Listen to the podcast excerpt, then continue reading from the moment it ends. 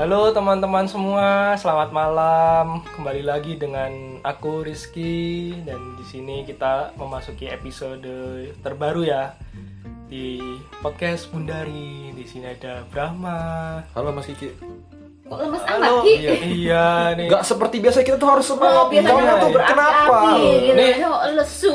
Tak selesaiin perkenalannya dulu, nanti tak jawab dulu. Oh, Iya, iya, iya, iya. Bapak, bapak, bapak, bapak. Iya, Iya, oh ya gemes ya, ya, biasanya ya. kan Oke, oke, oke. nih, ini semangat nih. Oke, apa kabar Mas Brahma? Wah, baik gitu dong. Nah, gitu dong. Oke, dan yang pasti masih dengan Bunda tercinta ada Bundari. Halo Kiki, semangat dong. Semangat. Semangat. Oh ya, aku tadi tuh kan Bunda kepikiran ya ampun aku umur segini kok belum punya jodoh. Padahal orang-orang udah menikah. Ini kayaknya ada yang nanya kamu kapan nikah gitu pasti. Oh, oh ya, itu kayaknya makanan sehari-hari orang-orang itu Bunda. Kayak aku tuh udah tua-tua aja padahal Eh, aku udah masih- tua belum sih kamu Kiki? Umurnya berapa ya? Aku masih muda, Bunda. Ah. Masih 17 Oh, 17 ditambah? tambah 12. Oh. Aku 29 Bunda. Oh, Tua ya? Tahun ini 29 ya. Iya. Tahun ini dua dan sudah mulai galau nih. Galau memikirkan kapan menikah ya. Ya, ya sebenarnya cuma terlintas terlintas aja sih. Maksudnya kan sekarang kan lagi musimnya apa ya? Teman-teman sepantaranku atau yang umur 25 ke atas tuh sudah kepikiran untuk aku harus menikah. Oh, jangan salah Ki. Bahkan sekarang yang baru 17 tahun aja Oh iya, sudah pengen nikah. Baru tadi malam baca-baca lupa aku. Nah, ya, ya, karena banyak sekali klienku yang usianya masih di bawah umur 20, ya kalau 25 tahun ke atas bertanya tentang pernikahan menurutku wajar. Wajar ya, Bun. Wajar ya. Tapi kalau 20 tahun ke bawah dan dia sudah takut nggak punya jodoh, nah itu bahaya, itu warning itu. Tuh, Nah, itu Bunda. tuh kok kayaknya gimana gitu. ya, padahal sekarang oke, berapa sekarang umurnya berapa nih? 26 Bunda. 26. Iya, Ini kalian berdua 26 tahun ini apa? 26 26 tahun. udah tahun ini udah 26 udah masuk Nah, 26. ya, ini konteksnya takut nggak punya. Tapi Kiki pacar ada kan? Hah? Enggak. Jadi yang bikin makin cemas udah ditanya Nah, nikah iya. padahal pacar belum punya ya. Iya. Ya. Sebenarnya yang nanya tuh ini sih Bunda, orang-orang yang kayak apa ya? Orang lain yang menurutku tidak ada hubungan emosional sama aku ya, Pak. Oh, Kamu kapan menikah? Kamu kapan menikah? Itu kayaknya cuman apa ya? Bikin risih, tapi itu juga bikin kepikiran. Aku umur segini, kok ya belum punya pacar, nyarinya susah. Aku pikir yang takut ditanyain gitu cuman cewek loh. Ternyata cowok juga takut ya. Uh, takut Kalau Bunda. aku sih sebenarnya enggak, tapi dengan adanya tekanan-tekanan ini jadi Iya. mikir. lama-lama kan ngeliat kok lihat Facebook atau Instagram lihat teman-teman kok sudah mulai menikah semua. Gitu ya. Kok Iya. pas saja berubah ini. kok saya begini Oke. aja? Ya, jadi yang mau ditanyain apa nih? Yang mau kita bahas nih tentang menikah itu wajib gitu atau apa gitu? Menikah tuh harus atau pilihan, Bunda?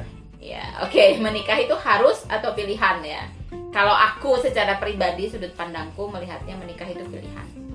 Haruskah kita menikah? Ya tergantung. Untuk apa kamu menikah? Nah, itu Bunda. Ya kan? Nah, ini kan kita bicara balik lagi ke eh, apa yang kita yakini ya. Apa yang kita ditanamkan kepada kita. Ini kan ter- terpengaruh oleh kultur, budaya, agama dan lain-lain ya. Kalau orang kultur timur memang menganggap menikah itu harus. Timur ya, timur, Bunda ya? timur ya, Timur ya, kita timur. bicara spesifik ya, Timur ya Bunda. timur menikah itu harus eh, dan mungkin itu korelasinya lebih ke adat dan keyakinan dan mungkin lebih jauh lagi ke agama ya Hmm. Ya, ya, ya. agama mewajibkan untuk menikah Ah. gitu kan menikah itu ibadah misalnya Ya. tapi kalau dalam konteks secara psikologi sebetulnya menurutku menikah itu pilihan Hmm. Kenapa? Karena kalau kita mengharuskan pernikahan, ya pernikahan yang seperti apa dulu? Kalau pernikahannya tidak sehat, apakah itu harus? Ya enggak Ya, dong. enggak kasihan Kan malah kasihan. pasangannya. Nah, ini kan yang salah nih. Aku banyak melihat anak-anak muda zaman sekarang yang memaksakan diri untuk memaksakan diri harus menikah bukan karena dia memang bu- bukan karena siklusnya untuk menikah. Maksudnya dalam artian memang dia sudah tahu tujuan menikah itu apa, tapi lebih karena ikut-ikutan tren. Nah, itu Bunda. Ya, teman-temanku semua sudah nikah, aku belum nikah. Jadi aku juga Hmm. harus nikah. Harus. Harus, harus nikah. Kenapa kamu harus nikah ya? Karena teman-temanku udah nikah. Nah, itu Bunda. Nah, kenapa kamu harus menikah karena orang tuaku mengharuskan aku menikah. Nah itu udah. Kenapa kamu menikah? Karena aku harus punya keturunan. Hmm. Kan gitu.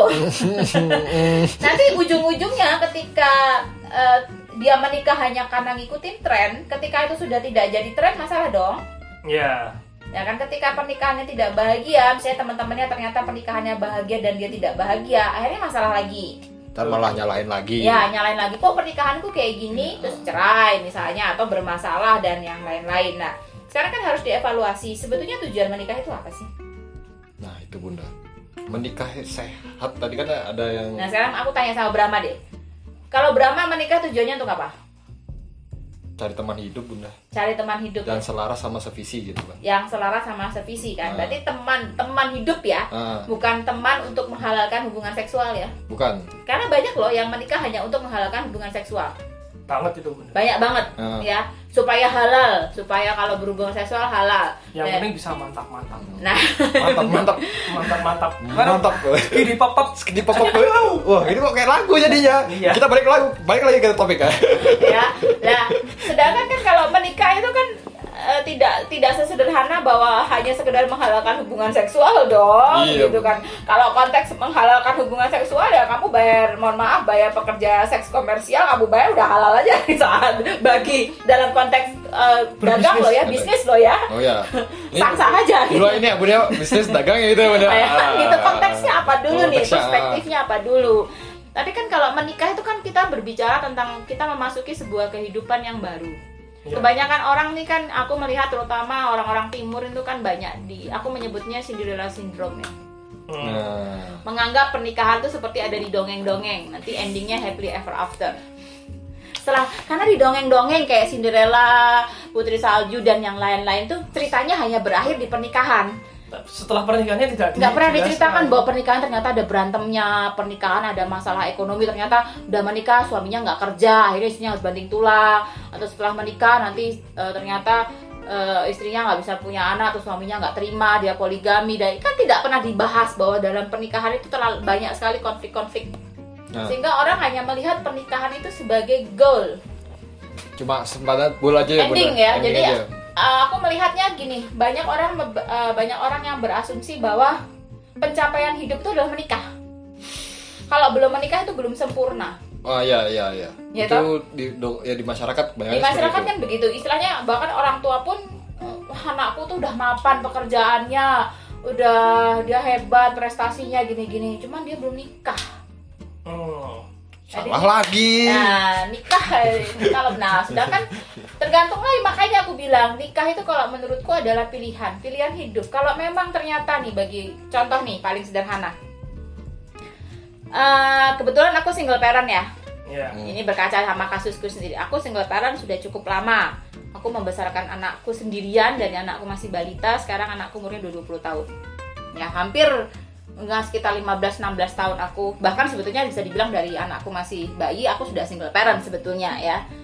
Itu kenapa aku tidak eh, sampai sekarang terus aku tidak memutuskan untuk menikah lagi? Apakah karena aku tidak mau? Bukan hmm, kenapa bunda ya terus eh, tapi lebih karena aku ya tadi seperti yang Brahma bilang aku menik setelah aku mengalami kegagalan dalam pernikahan ya aku belajar kan dari kesalahanku belajar dari kegagalanku aku evaluasi tujuanku menikah untuk apa karena saat itu saat aku menikah dengan suamiku waktu itu yang dulu mantan suami itu kan lebih karena situasi dan kondisi teman-teman udah pada nikah nih oh iya iya Terus waktu itu aku kebetulan karena waktu itu aku dapat penempatan kerja di luar kota, kita harus pisah LDR. Terus pemikirannya adalah waduh kalau LDR nanti kalau berkunjung nantinya zina dan yang lain-lain gitu kan. Konteksnya eh, belum halal nih, jadi dihalalin dulu dong gitu loh. Jadi kan waktu itu pemikirannya hanya sebatas tapi aku tidak mempertimbangkan bahwa ternyata aku dan pasanganku sama-sama belum siap mental. Ya belum siap mental untuk menikah. Sehingga akhirnya terlalu banyak konflik karena waktu aku LDR banyak konflik banyak masalah aku mengalami KDRT dan yang lain-lain ya. Nah ternyata menikah kan tidak sesederhana kayak semacam sol menyelesaikan satu masalah ya karena banyak orang yang menikah tuh untuk lari dari kondisi sebelumnya Iya, padahal itu membuat masalah baru sebenarnya. sebenarnya kita masuk makanya kan eh, kalimatnya adalah selamat menempuh hidup baru gitu kan Tapi sekarang ini Bunda, selamat menempuh masalah baru. Nah, selamat menempuh masalah baru. Nah, dari situ aku evaluasi tujuanku untuk menikah tuh aku mencari seseorang yang satu visi dan satu misi denganku. Sama-sama punya keinginan yang sama. Ibaratnya kalau aku mengatakan pernikahan itu kan seperti eh kereta api ya jalan di atas rel ya. Ya bunda. Kereta api itu pernikahannya, relnya yang kanan dan kiri itu kan eh, orangnya ya, suami Hmm. dan si istri. Nggak mungkin dong relnya yang satu jalannya ke kanan, yang satu jalannya ke kiri. Ke- keretanya mau jalan ke mana ini? Nah itu malahan terbang Jatuh. dia. Wah. Keretanya lupa jadi diri juga. Wah. Berarti kan harus sejalan untuk menjalani sebuah pernikahan menuju suatu tujuan kan keretanya jalan menuju suatu tujuan nih, ya kan? Nah. Itu kan relnya relnya harus sejalan. Nah kalau aku belum menemukan orang yang sejalan denganku, ya untuk apa aku memaksakan diri untuk menikah? Nah itu juga benar bunda. Karena terus ada dulu orang pernah bilang, ya buat anaknya lah supaya anaknya punya bapak. Kan gitu, supaya anakku punya bapak, punya ayah. Aku pernah mencoba dan aku menikah lagi waktu itu. Hanya untuk memberikan ayah kepada anakku. Tapi ternyata pun itu tidak. Itu adalah sebuah tujuan yang salah juga. Hmm. Ya benar bunda. Karena menikah untuk memberikan ayah lah dia tuh pengen jadi suami bukan jadi ayah kok gimana? Bener bener bener. Benar benar benar benar. Jadi belum tentu eh, siap menikah itu siap jadi suami, tapi juga belum tentu siap jadi ayah ya. Iya, karena menikah itu kan kita harus siap sebagai suami, sebagai ayah, sebagai menantu, Ya Ya. ya ya. ya kan hidup dalam lingkungan sosial menjadi ke rumah tangga kepala rumah tangga Karena kita menyatu, imam karena kita menyatukan dua keluarga ya bunda. ya. iya kan banyak bebannya banyak tanggung Banyak jawabnya banyak berarti kan tidak hanya dibutuhkan kesiapan secara fisik aja kesiapan fisik dan kesiapan duit orang kebanyakan mikirnya cuma fisik umur dan duit Nah itu ya. Betul betul betul. tapi nggak pernah mikir mentalnya udah ku- udah siap belum kalau mentalnya belum siap yang akhirnya terjadi adalah berantem bertengkar perbedaan visi perbedaan tujuan yang itu tidak pernah dibahas sebelumnya Lama-lama mendem mendem Nah, mendem. makanya benar juga emang salah ya bunda aku perfeksionis katanya kamu belum dapat dapat jodoh karena terlalu pemilih gitu kan Ya, Ya. banyak itu. banyak kan gitu kan Ya, emang salah gitu. pemilih menurutku tidak Enggak. kita itu hak kita kok untuk memilih cuman berarti kita sudah siap dengan konsekuensi dari memilih Ya, Udah siap belum nih? dapatnya lama. nah otomatis dong kalau kita pengen punya pilihan yang Perfect. bagus perfect berarti kan mungkin lebih sulit dibanding kita ya kalau aku suka suka bikin perbandingan tuh sama anakku itu yaitu eh, dek kamu boleh pilih. Kamu mau jadi perhiasan imitasi mau jadi emas Hmm. atau mau jadi berlian ya. Kalau kamu jadi perhiasan imitasi mudah. Hargamu murah. Didapatkan oleh siapa aja gampang. Cepet. yang penting nikah. Itu adalah gambaran dari orang yang penting aku nikah. Aku cukup umur kita ketemu dengan orang yang satu agama satu lingkungan harus nikah selesai Nah, nggak masalah nanti udah punya kema- ke- kesiapan secara material belum Ah, perhiasan imitasi murah kok harganya Iya. sering An- di- sekarang yang imitasi yang anting-anting seribu lima seribu perak aja masih ada kok yang Ada. plastik kecil-kecil itu Iya. atau lima Yang penting kan perhiasan. yang penting kan perhiasan kan gitu ada giveaway juga kan? Nah, gratis pun bisa Oh. bahkan kasarannya kan gitu. Ya kan? Eh, kan murah jadi gampang yang penting adalah aku nikah gitu nah itu itu sama seperti perhiasan jadi kan mudah didapat ya tapi kan juga kita juga tahu kualitas yang namanya perhiasan imitasi ya kayak apa bisa jadi mungkin mudah berkarat mudah rusak bisa Pecah. jadi nanti bisa mengiritasi kulit ya, Hmm. kan gitu Iya iya. nah sekarang kita masuk ke kalau kamu mau jadi emas berarti otomatis kamu harus punya uang yang lebih emas kan juga harganya nggak murah Iya. Ya. Ya kan tergantung nanti emasnya kamu mau berapa karat nih. Harus punya kualifikasi. itu. Harus Iya. ya berarti kan harus punya kualifikasi. Berarti kan kamu punya standar. Tapi emas itu kan masih rata-rata orang masih mampu lah. Iya. Masih sih bisa lah. Ya. Ya, berarti kan itu lebih mencakup ke orang-orang yang umum-umum aja lah standarnya. Maksudnya yang penting dia satu iman, yang penting dia sudah ma- punya pekerjaan gitu kan. Aku suka juga sama dia. Udah, Udah. Iya. ya kan? Didukung oleh keluarga, Nah, Selesai. nikah selesai. Masalah siap mental atau tidak itu nggak dipikirin atau ada hal-hal yang lain lah Yang ya. penting Nggak masalah satu pikiran atau enggak, satu tujuan apa enggak. Yang penting nikah. Yang penting nikah. Dan Sudah mampu, sudah siap, sudah secara sudah materi udah siap ya Bunda? materi udah Ah. siap, secara mental bisa jadi mungkin sudah siap. Hmm. Ya, bisa jadi bukan jadi bukan berarti dia mungkin mentalnya belum siap, tapi tidak ber- tidak berpikir apakah mereka cocok atau tidak atau mereka punya visi dan vis- misi yang sama. Itu belum sampai ke sana.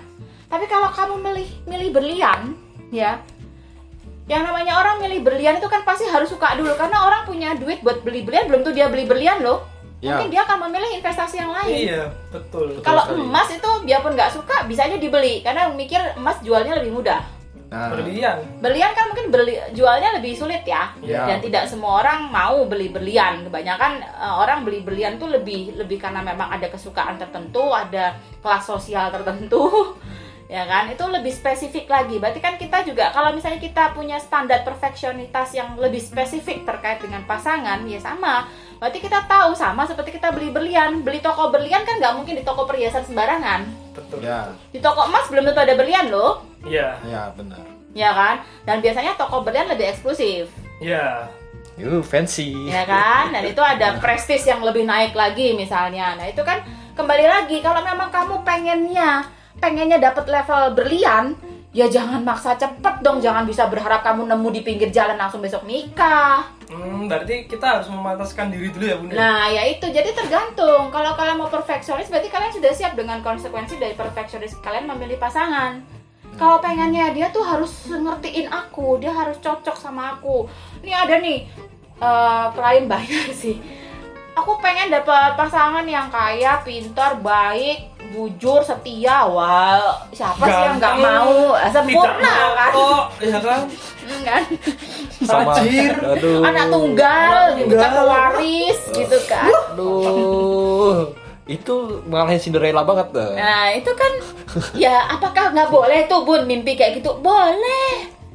Mimpi kayak gitu tuh boleh. Kalian ber- berharap punya pasangan yang sempurna seperti itu boleh. Tapi pertanyaanku, kira-kira orang yang sempurna nyari orang yang sempurna juga nggak?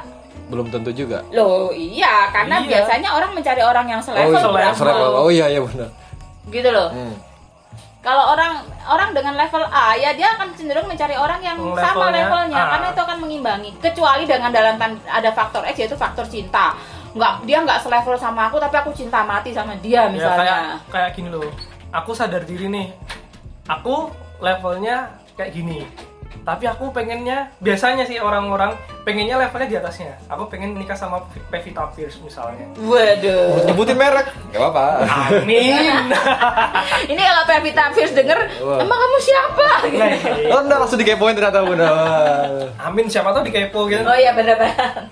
Ya kan gitu. Hmm. Biasanya kan orang mencari seseorang yang satu level dengannya atau Di di, atasnya. atasnya. Biasanya gitu. Kalau ada orang yang mencari orang dengan level di bawahnya, biasanya itu ada faktor X, faktor Ada tujuan lain Ada ya? tujuan Hmm. lain karena sudah kepepet. Biasanya ya tadi udah terdesak ya, terdesak umur, terdesak tekanan sosial, yang penting nikah aja. Contoh nih, orang yang mencari orang dengan level di bawahnya. Kamu misalnya biasanya ini cewek ya, cewek dia udah kerja, udah mandiri. Cari cowok yang udah kerja dan mandiri nggak ada, tapi cari cowok yang nikahin dia gak gampang. Ya Iya. mungkin dia hanya sekedar milih, yang penting cowok tuh nikahin dia aja. Tapi ujung-ujungnya dia mengeluh juga. Cowok saya nggak, suami saya nggak kerja bunda. Suami saya cuma santai-santai aja di rumah. Stres juga nanti ujung-ujungnya. Iya. Iya. Kalau menikah dengan orang yang tidak satu Frekuensi. level. Makanya kalau karena kebetulan aku orang Jawa ya, makanya kalau di Jawa tuh ada bibit, bobot, bebet. Itu nggak salah sebetulnya. Itu hanya salah satu cara untuk menghindari eh, permasalahan ya. Mungkin kalau dalam Hindu nih karena Brahma eh, ada darah Bali juga ya, Iya, ada benar. kasta ya. Ya kasta. Nah, makanya kan orang kasta satria ya sama orang kasta satria, orang kasta brahmana sama orang kasta brahmana itu kan juga salah satu usaha dari nenek moyang kita untuk eh, supaya mengantisipasi supaya tidak ada permasalahan dalam pernikahan, dikelompokkan, digolongkan. Hmm. Mungkin kalau di Chinese eh, sio ini cocoknya sama sio ini, kalau di Jawa weton ini cocoknya sama weton ini. Hmm, berarti bener ya bunda. Jadi ngomongin bibit bobot bebet.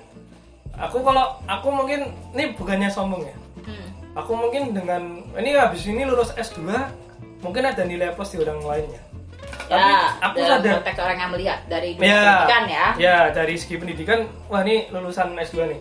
Tapi aku sadar diri bunda. Aku umur segini nanti lulus S2 belum tentu dapat pekerjaan misalnya nih. Ya. Ini semoga dapat. Terus apa namanya? eh belum punya pekerjaan belum mapan nanti kalau aku nikah ah, ini istrinya itu mau dikasih makan apa kalau bisa tak kasih makan rumput sama batu sih nggak masalah atau istrinya rela menghidupi ya Nah, atau istrinya tapi kan realistis aku Iya. sebagai cowok kan juga punya tanggung jawab terhadap pasangan kan ya. itu bener ya berarti ya bener ya? benar jadi kan tidak harus patokan karena umur kamu sudah 29 terus kamu maksain harus menikah ya karena ya nanti seperti pem- pemikiran kamu ya nanti istriku tak kasih makan apa ya kalau istriku mau misalnya istriku nggak apa-apa kamu nggak karena ada juga teman kita yang sebelumnya misalnya eh, nggak apa-apa ceweknya kamu nggak harus kerja mas. Yang penting kamu halalin aku kan ada juga yang kayak gitu. iya. Loh, Brahma sempat diajak nikah. Oh iya. Siapa tahu mau cerita.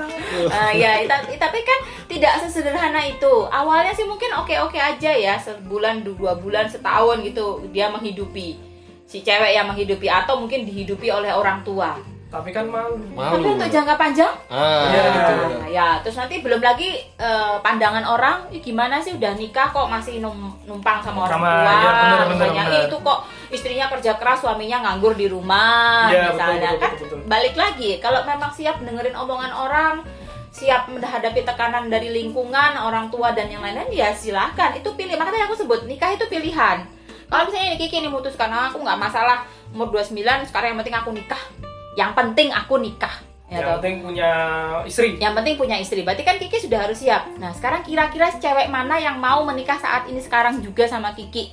Tanpa Kiki dalam kondisi belum bekerja, ya kan? tidak mandang fisik Eh, tidak mandang fisik Tidak dan mandang yang lain. Ada nggak? Kalau ada terus yang penting nikah. Apakah nanti jangka panjangnya tanpa cinta nih berarti? iya yang penting nikah soalnya Yang penting nikah, berarti nggak ada cinta. status yang penting Yang penting status. Nah, apakah status itu cukup cukup menjadi fondasi yang kuat untuk mempertahankan rumah tangga yang sehat? Karena bagiku rumah tangga yang sehat itu adalah rumah tangga yang di, dijalani dengan hati, tapi juga menggunakan rasionalitas, jadi seimbang. Otak logikanya juga jalan, bukan cuma asal data, atas dasar cinta. Karena cinta itu menurutku hanya euforia di awal ya. Itu hanya baru di awal ya. Ya itu hanya bibit ya. Kalau misalnya cinta itu bisa kita pelihara, si bibit cinta itu bisa kita pelihara dengan baik, dia bisa tumbuh menjadi berkembang jadi indah. Iya, memang. Tapi kalau bibit itu tidak bisa kita tidak bisa kita pelihara, tidak kita sirami, tidak kita rawat dengan baik, ya bisa mati. Hmm, Makanya kan banyak orang awalnya dulu waktu pertama nikah kayaknya cinta banget. Sebulan, dua bulan, tiga bulan, Berantem. cerai, hmm, betul. Baru aja yang seminggu cerai Nah, bah- bahkan ada yang seminggu cerai. Nah, itu kan karena tidak bisa memelihara bibit cinta itu sendiri. Karena cinta itu baru bentuknya bibit ya dan cinta itu bukan serta-merta eh, langsung gede gitu ya. Enggak, itu kan cinta itu kan dibangun dengan proses. iya betul betul, Betul, Nah, betul. itu ada waktu ya. Namanya proses itu kan nggak instan ya. Yang namanya untuk dikatakan apa? Makanya kan banyak nih. Aku kadang suka agak kesulitan menjawab klien kalau klien udah ngeyel tuh. Dia cinta kan sama saya gitu kan. itu ngotot banget ya Ya, karena cinta itu perspektif ya. Karena bisa jadi sudut pandang cinta bagi cewek dan sudut pandang cinta bagi cowok itu beda. Kalau cowok mungkin cintanya lebih cinta-cinta, maksudnya gini. "Eh, tapi kalau dia cinta sama aku kok dia sibuk sendiri sih, dia masih sibuk kerja, dia nggak punya waktu buat aku. Jangan-jangan dia nggak cinta ya, bukan berarti begitu. Padahal dia banting tulang demi dia. Nah, kan gitu. Tapi mungkin bagi dia. cewek yang disebut dengan cinta adalah ketika cowoknya meluangkan waktunya 100% untuk dirinya misalnya. Nah, itu ya ini eh, ini ya perspektif ya jadi Iya. balik lagi makanya kalau aku tidak mengatakan bahwa menikah itu adalah harus menikah itu pilihan Oh, kamu mau iya. menikah silahkan ya itu pilihanmu berarti asal kamu sudah siap menerima segala konsekuensi dengan menikah sama halnya ketika memutuskan untuk saya tidak mau menikah karena banyak orang memutuskan tidak mau menikah ya Ya, itu bunda yang baru aku mau ngomong. Oke, Jadi kenapa? aku tuh punya temen beberapa temenku cewek itu malah mereka tidak ingin menikah. Hmm. Yang alasan yang pertama karena mereka tidak butuh laki-laki. oke Alasan yang kedua tidak butuh cinta. Alasan yang ketiga tidak ingin punya anak. Alasan yang keempat istilahnya eh, mereka lebih suka berkarir. Karena menganggap punya pasangan itu mengganggu kehidupan karir mereka. Dan lain-lain. oke. Itu dengan kondisi yang sekarang ini kok agak kontra ya, agak bertentangan dengan ya itu kan balik satu- lagi karena ini ya apa sih bukan emansip eh, emansipasi jadi kayak wanita-wanita mulai bangkit ya? Ya. emansipasi. Ya mungkin karena selama ini kan dogmanya stigmanya eh, bahwa wanita tuh ya cuman sebagai istri. Ya. karena selama ini terutama di timur ya aku mengatakan balik lagi timur. Ya ya wanita itu kecenderungannya hanya pelengkap dari suami. Makanya Hmm. disebutnya nyonya A. Ya ya ibunya si A Ya. dia tidak disebut ketika wanita sudah menikah kecenderungan dia tidak di- dihargai sebagai dirinya pribadi. Nah lama-lama kan perempuan-perempuan yang merasa bahwa dia punya kapasitas yang sama dengan cowok dengan pria kok kok aku nggak dihargai seperti para pria? Karena dalam lingkungan pekerjaan pun banyak. Aku pun mengalami bahwa wanita sering kali tidak dihargai sebagaimana mereka menghargai para pria dalam konteks pekerjaan yang apa perempuan misalnya apa kayak gitu kan. Nah itu kan mulai bangkit nih sehingga tren seperti itu semakin kelihatan. Itu salah satu eh, pemberontakan ya. Pemberontakan pemberontakan mereka bahwa wanita tidak harus butuh pria. Kami bisa untuk eh, berkarir. Dan karena kebanyakan memang kalau eh, wanita yang menikah itu memang pasti salah satu harus dikorbankan. Rumah tangga atau karir. Ya itu ya. pasti bunda. pasti itu ada yang dikorbankan walaupun se- se- sehebat apa pun dia memanage ya. Karena aku sendiri kan pernah menjadi karena aku sendiri kan wanita karir sekaligus. Berumah tangga. ya ibu rumah tangga. Itu pasti ada misalnya nih eh, anak sakit. Ya. Iya. anak sakit. Ternyata kantor tidak mengizinkan kita cuti. Atau Iya. izin. Ya mau nggak mau karena kita kerja kita harus meninggalkan anak kita sakit di rumah. Iya. padahal mungkin secara naluri secara wanita pengennya nungguin anaknya sakit.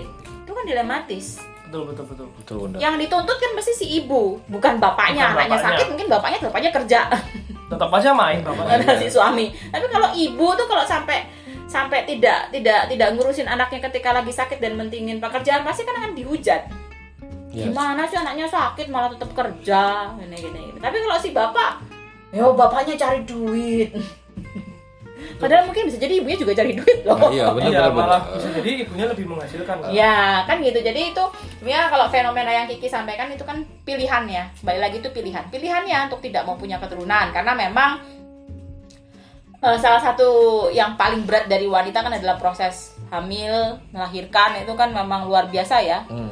Eh, berat, sakit ya, tidak mudah. Mungkin tidak semua orang mau ya. Apalagi namanya proses membesarkan anak pun itu kan sering kali di kultur timur tuh dibebankan pada ibu Iya, iya. Ya itu benar bunda. ya kan Ah. bapak seakan-akan kayak peranannya tidak terlalu dipikirkan ya nah itu yang membuat wanita-wanita yang mungkin berpikiran lebih modern berpikiran lebih open mind berpikir ya udah aku milih untuk tidak eh, mengambil peran itu ya tidak mengambil peran sebagai istri dan sebagai ibu aku milih peran sebagai diriku sendiri karir itu sih itu pilihan. Ya balik lagi apa pun yang kita pilih sebetulnya intinya adalah kita siap dengan pilihan konsekuensi kita ya. Jadi Kiki nggak masalah nih umur 29 belum nikah ya.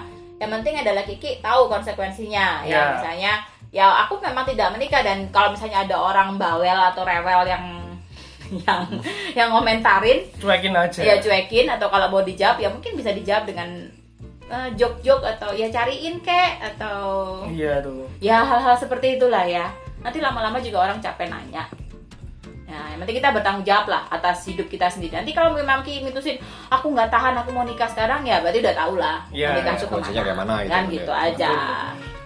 Oke, terima kasih sebelumnya Bundari, terima kasih Mas Brahma. Sama-sama. Ya, jadi di sini kesimpulannya adalah menikah atau tidak itu pilihan kalian. Atau harus atau tidak itu terserah kalian. Ya. Ya. Yang penting siap dengan konsekuensinya. Yang penting siap dengan konsekuensinya, yang penting kalian juga siap mentalnya. Ya. Betul sekali. Terima kasih banyak Terima sudah kasih mendengarkan banyak. Terima podcast kasih banyak. kita dan semoga bermanfaat. Sampai jumpa lagi di episode selanjutnya ya. Ya, selamat malam. Selamat malam, Memberkati. memberkati.